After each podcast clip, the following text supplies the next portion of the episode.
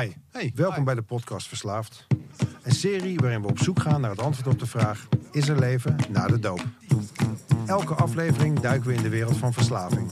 Drank, gokken, drugs, kopen, eten, gamen, noem maar op. En hoe je daarvan los te maken. Want stoppen is één ding, maar leven met jezelf zonder middel is iets heel anders. In interviews met ex-verslaafden horen we hoe zij dit deden. Wij zijn verslaafd en als je dat hardop durft te zeggen, heb je je eerste stap al gezet. Wij zijn Alain en Sander. Goed dat je er bent.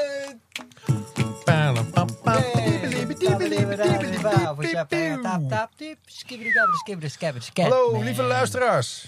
Hey. Aflevering 19 hebben we voor jullie in de pocket. Nummer 19. Het is Double Whammy donderdag, dus wij interviewen vandaag onze tweede gast. Hallo. En, eh, oh nee, hè, we moeten je eerst aankondigen. Hè? Dan, eh, Ja, we gaan hallo zeggen hoor. Zeg maar nog hij is een keer 25 jaar pas. Hij is 25 jaar pas. Zijn lievelingskleur is blauw.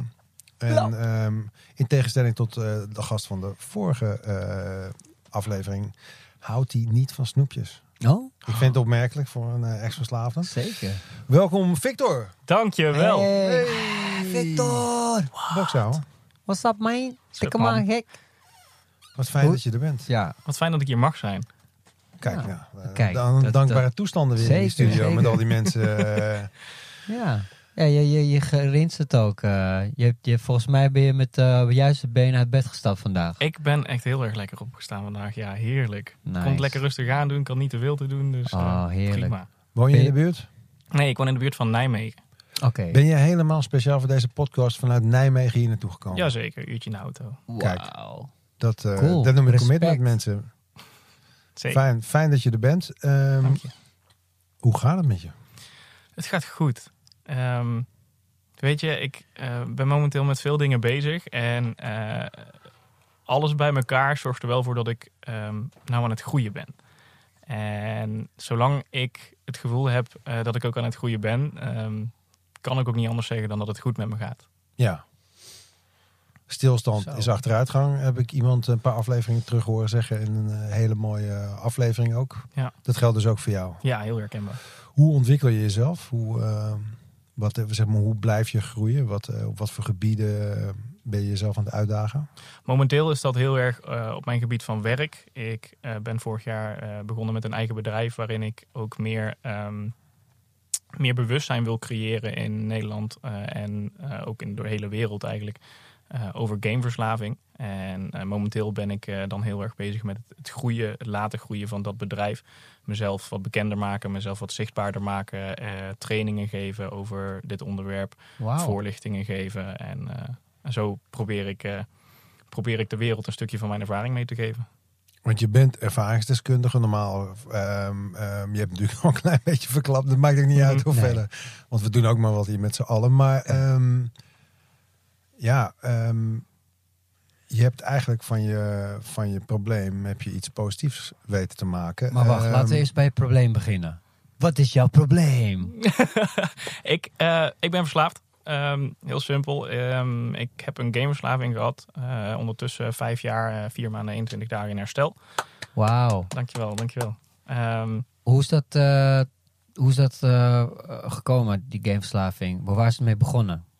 Nou, het is eigenlijk heel onschuldig begonnen. Weet je, toen ik klein was, toen speelde ik al wel spelletjes. Ehm, maar door heel veel situaties die er in mijn verleden zijn, eh, zijn gespeeld. En een van de grootste redenen van was eh, dat ik vroeger heel erg veel gepest ben. Ehm, dus ik voelde me heel erg buitengesloten. Ik voelde me heel erg eenzaam eh, op het Mm. moment dat ik vooral op school was. Ja. Thuis kon ik dat niet kwijt. Of in ieder geval had ik het gevoel dat ik het niet kwijt kon. Ja. Dus ik hield het altijd allemaal binnen. Ik kropte het allemaal op. En rond mijn twaalfde is er een keerpunt geweest waarna ik eerst een zelfmoordpoging heb gedaan. Ook echt gewoon niet meer wilde leven. Ehm, En nadat dat eenmaal verholpen was met behulp van een psycholoog, ehm, ben ik gamen meer gaan gebruiken als een middel dan Hmm. echt als een leuk een spelletje spelen. Wacht Zo. even. Dus je wordt gepest. Op een gegeven moment wordt het zo heftig. Rond je twaalfde dat je eigenlijk eh, uit het leven wil stappen. Ja, ja, het was mijn twaalfde was een keerpunt dat ik van de basisschool naar de middelbare school ging. Ja. En ik had zelf heel erg het gevoel, ik had heel erg veel moed eigenlijk opgebouwd.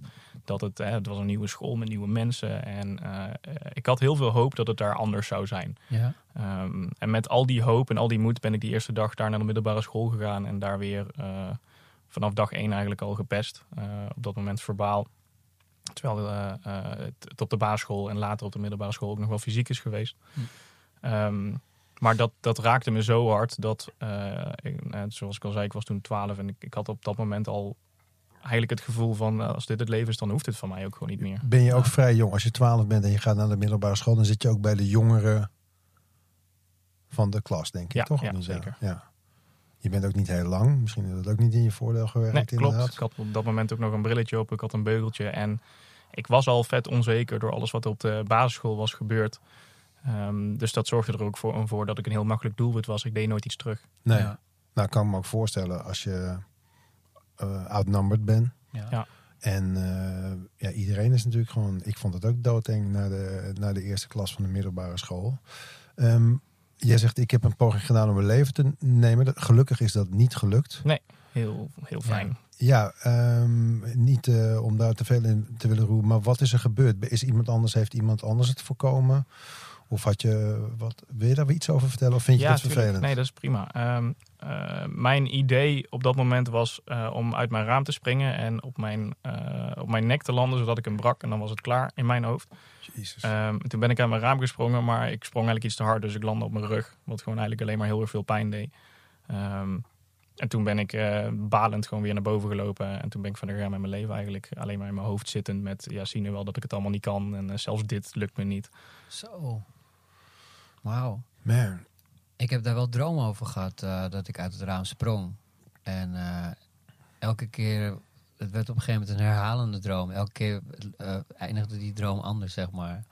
Een heel gek soort apocalyptische droom had ik. eh. maar, eh, Maar he- jezus. he- heel even terug, want ik vind het ook heel heftig om te horen. Maar ik wil het ook begrijpen. Dan lukt het je om jezelf weer... Ik weet niet uit, van hoe hoog je sprong. Oh, om- eerste verdieping ongeveer. Ja, Ja. eh, oké. Dan kom je thuis, eh, je ouders, je sluit je op op je kamer. Ja. En dan gaat het leven, blijkt gewoon door te gaan. Ja, precies. Hoe ga, hoe ga je dan, hoe ga je dan, hoe- vertel je dat tegen je ouders? Durft hij dat te vertellen? Of, Nee, ik heb op dat moment eh, stilgehouden voor mijn ouders. Eh, Ja. Omdat ik me er ook heel erg voor schaamde dat ik eraan dacht. Ja. Ehm, het voelt heel ondankbaar natuurlijk. Ja, ook. precies. Ja. precies. Dus ehm, ik heb het altijd binnengehouden voor mijn ouders en, en eigenlijk altijd opgekropt. Ik heb het niemand verteld. Hmm. Ehm, uiteindelijk eh, is mijn moeder, mijn ouders waren gescheiden en ik woonde bij mijn moeder. eh, is mijn moeder er vooral achter gekomen dat, eh, dat ik niet zo lekker in mijn vel zat. Eh, die is toen naar me toegekomen en toen heb ik eh, in ieder geval wel aan mijn moeder verteld. eh, of ja, ik zeg verteld. Ik durfde het eigenlijk niet te vertellen, dus ze vroeg of ik het op wilde schrijven voor haar. Toen heb ik het opgeschreven en naar de, eh, aan haar gegeven. Eh, en daar stond dus op dat ik eh, aan zelfmoord eh, dacht. Ja. En toen heeft ze me naar, naar een psycholoog gestuurd. Ben je twaalf jaar oud en dan denk je dat dat de enige uitweg is. Ja. Dan word je op het spoor gezet van een psycholoog. Ja. Wat, eh, wat gebeurde er met die eh, psycholoog? Nou ja, het fijne vond ik van die psycholoog is dat ehm, ze, ze luisterde naar me. En ik had echt het gevoel dat ik wel mijn, mijn verhaal kwijt kon bij haar.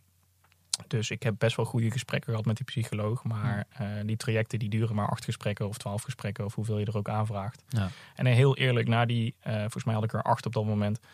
Na die acht gesprekken voelde ik me ook echt wel wat beter. En eh, ze gaf me wat inzicht in wie ik was en wat ik kon. eh, waardoor ik me ook echt wel wat, wat zelfverzekerder voelde.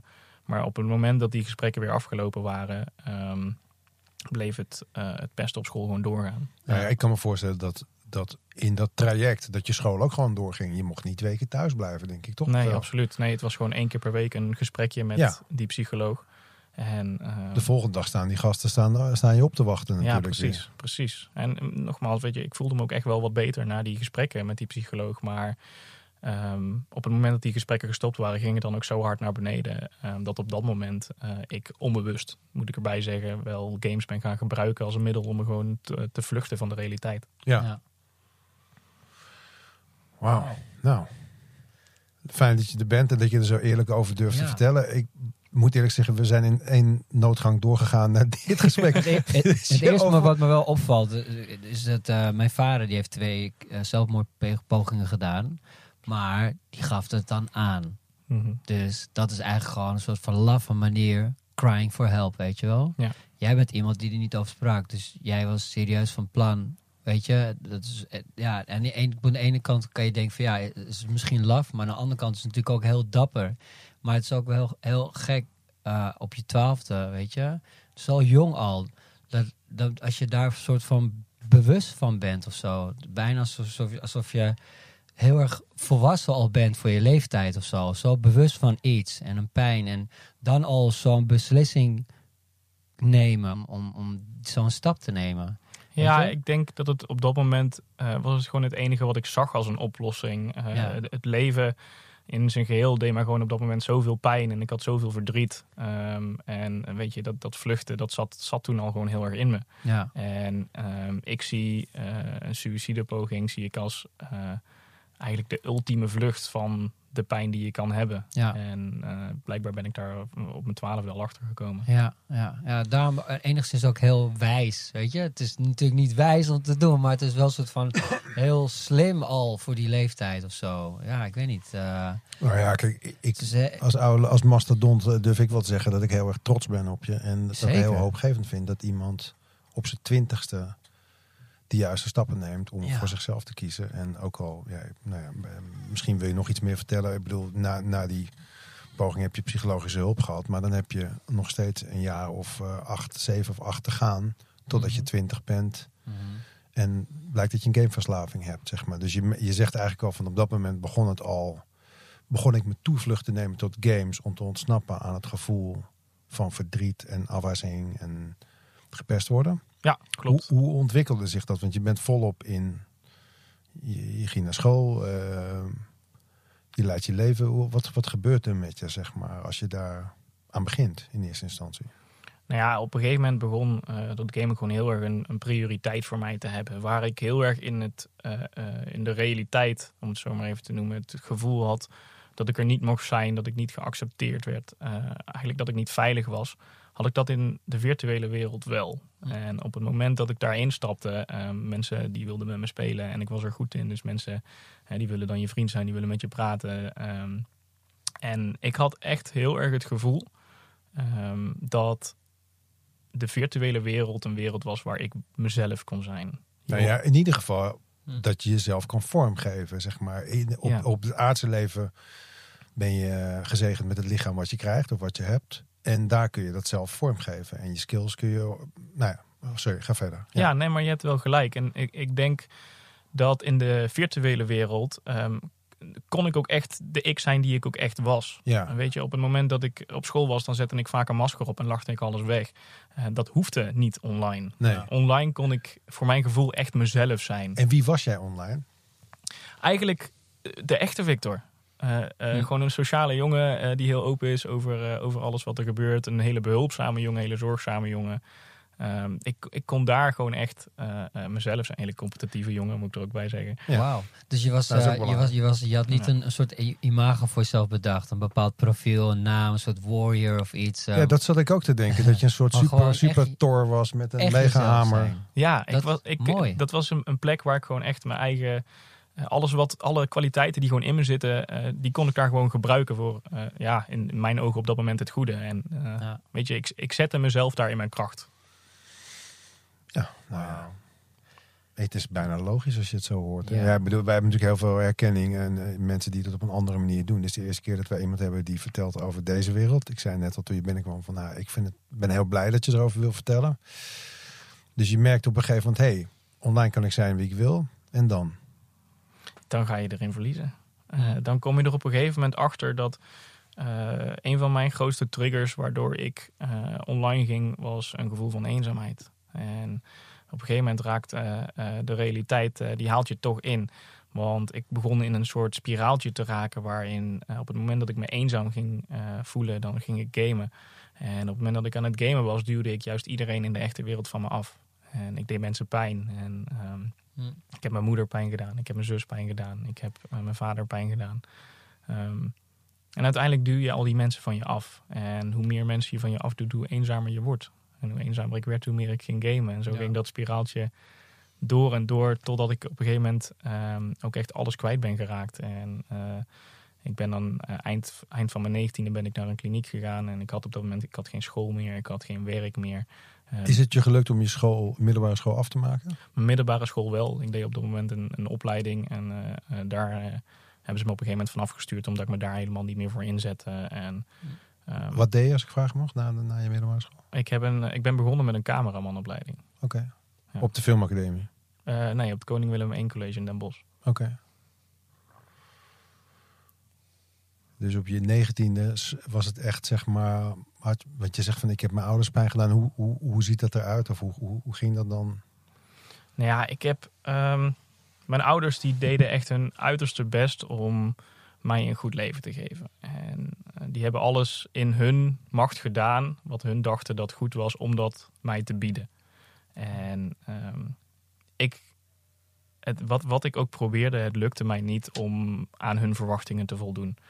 Ehm, waardoor ik ze ook echt enorm veel pijn heb gedaan, veel ruzies thuis heb gehad. Ik heb mijn vader een keer eh, vier maanden lang gewoon genegeerd dat hij me belde en dat ik hem niet opnam. Ehm, mijn zus die heeft heel veel last van me gehad. Die had altijd een kamertje naast mij. En als ik dan s'nachts aan het schreeuwen was tegen mensen online, dan eh, hield ik er eh, nachten wakker. Hmm. Mijn moeder was doodsbang, omdat ik ehm, boosheid hield ik altijd in. En liet ik nooit zien. Ik, ik ben altijd doodsbang geweest voor boosheid. Ehm, maar mijn moeder eh, die was zo bang dat ik, eh, dat ik een keer gewoon zou klappen. Dat ze eh, haar slaapkamerdeur s'nachts altijd op slot deed. Ehm, Oh, dus eh, op die manier heb ik ze echt heel veel, heel veel pijn gedaan. oké. dus Hey. En wat waren die verwachtingen waarvan je het gevoel hebt dat jouw ouders wilden dat jij eraan voldeed? Kun je dat? Gewoon een gelukkig leven hebben. En ehm, ik denk dat de grootste verwachting van mijn ouders was dat ik het voor mezelf zou doen. En dat is iets wat ik nooit gedaan heb. Ik heb ehm, mijn leven vroeger draaide altijd om het gelukkig maken van andere mensen. En zolang ik dat aan het doen was, was ik niet aan mezelf aan het denken en was ik eh, mijn eigen leven juist eh, naar beneden aan het halen. Ehm, en zo eh, heb ik mijn ouders laten zien dat de opvoeding die ze op mij hebben toegepast, die op mijn zus eigenlijk best, heeft, best goed heeft gewerkt, op mij totaal niet werkte. En dat ze eh, in hun ogen aan het falen waren. Dat, heb je dat heb je aan hun duidelijk gemaakt? Ehm, door de ruzies die we hebben gehad, heb ik ze eh, wel wat dingen eh toegeschreeuwd, ja. Ja.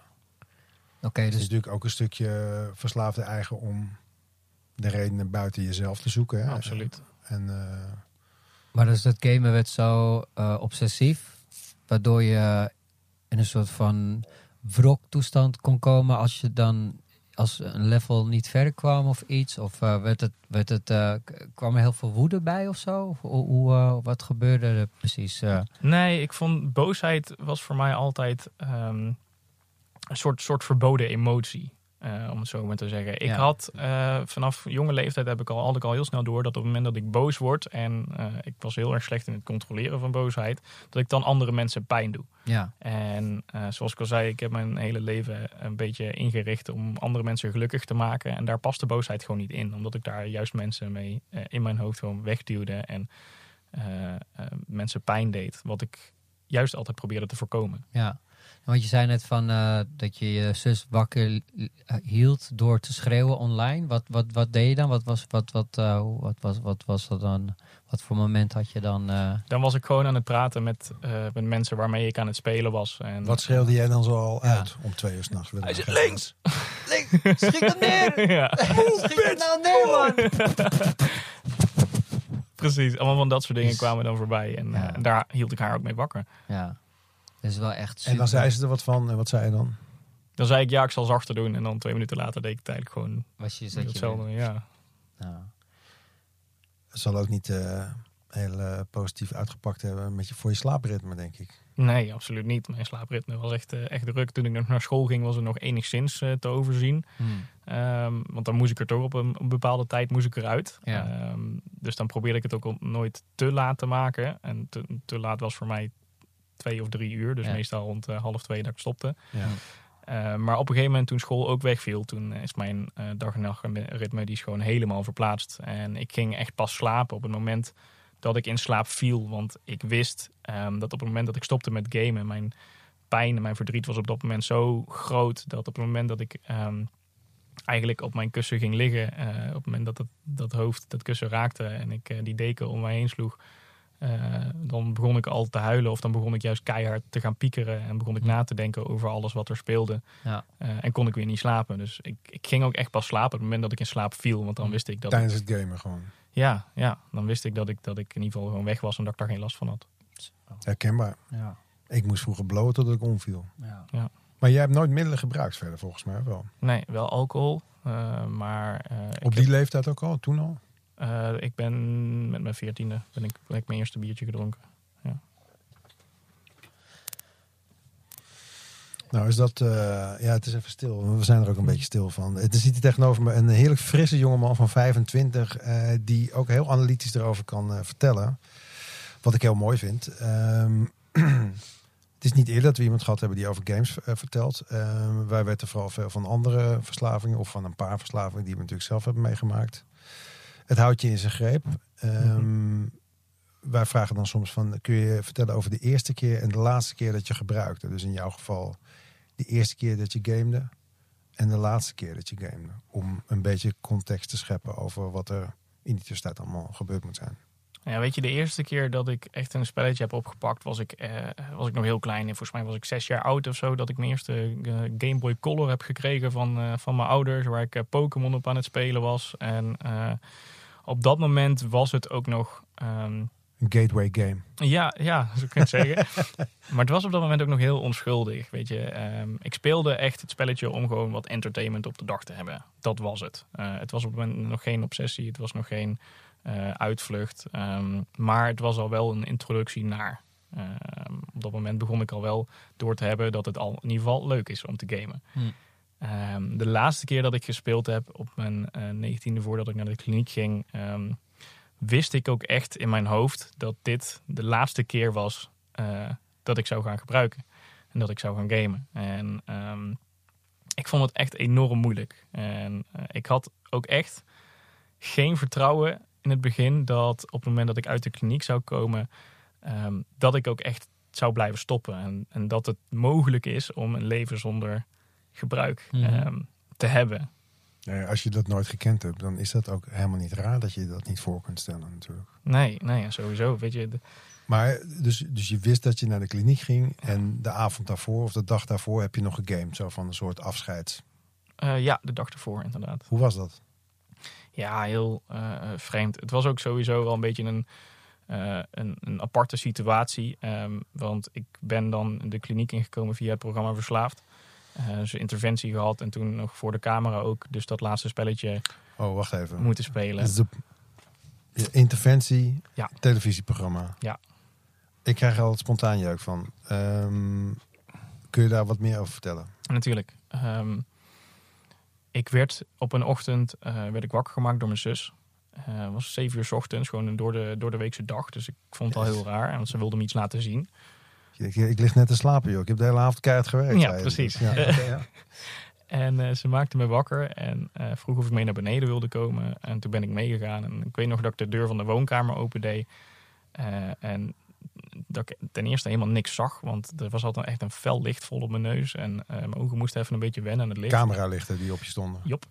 Ehm, en die zag ik toen staan, die camera. En toen kwam eh, de, de toenmalige presentator, Peter van der Vorst, die kwam op me af. Die gaf me een handje, die stelde zich voor en die vroeg ehm, of ik op de bank wilde gaan zitten. En ik zag daar dus, eh, toen ik eenmaal verder keek, zag ik daar eh, mijn moeder, mijn stiefvader, mijn tante, mijn zus en mijn vader zag ik daar zitten. En ik mocht er tussenin gaan zitten.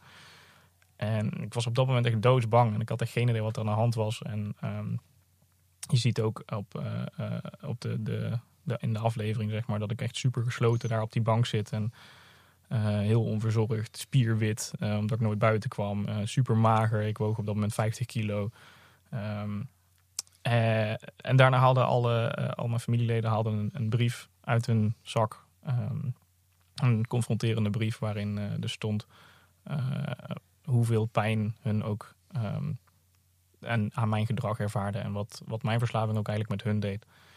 Eh, en toen kreeg ik uiteindelijk de keuze of ik mee wilde of niet naar, eh, naar de kliniek. En ik heb toen ook meteen ja gezegd. Want ik zag het ook echt als een kans om eindelijk een keer iets anders ehm, te doen met mijn leven. En eindelijk een keer, Nu of nooit. ja, precies. Ja. Dat, dat was ook echt het gevoel wat ik had. En, eh, dus ik heb meteen ja gezegd en eh, de volgende dag eh, ben ik dan naar de kliniek gegaan. Ik ben er blij om. Wauw. Ik ook heel blij. Ja, ik, ik, ik, ik, ik, ik vind het. eh, maar ik vind overal wat van. Dus dat laat ik me niet- tegenhouden, eventjes door whatever. Ik heb altijd een beetje moeite met eh, interventies, omdat ik altijd denk dat het uit jezelf moet komen. Maar ja, als je natuurlijk gevangen zit in dat ritme, dan heb je soms een klap in je smoel nodig om je even te laten schrikken van: hey, dit is het moment. Grijp die hand. En dat heb je gewoon gedaan. Ja, en heel eerlijk, nog steeds in het begin zat er een, eh, een onbewust patroontje dat toen al speelde. En dat, dat vroeg de interventionist die ik had, die vroeg dat eh, op het moment dat we in de auto zaten richting de kliniek.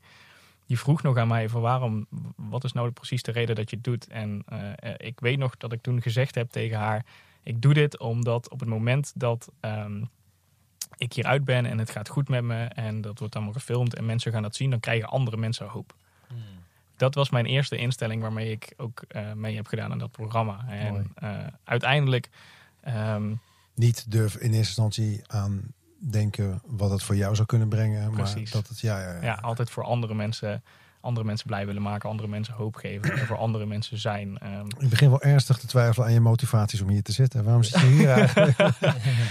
dit is gewoon een deel van ehm, mijn doel, wat ik in het begin vertelde, het bewust maken van Ja. gameverslaving door Nederland. Nee, En- maar het is, het is heel grappig, want je bent dus eigenlijk ook hier om andere mensen te helpen. Dat, er een, dat doen wij namelijk ook. Mhm.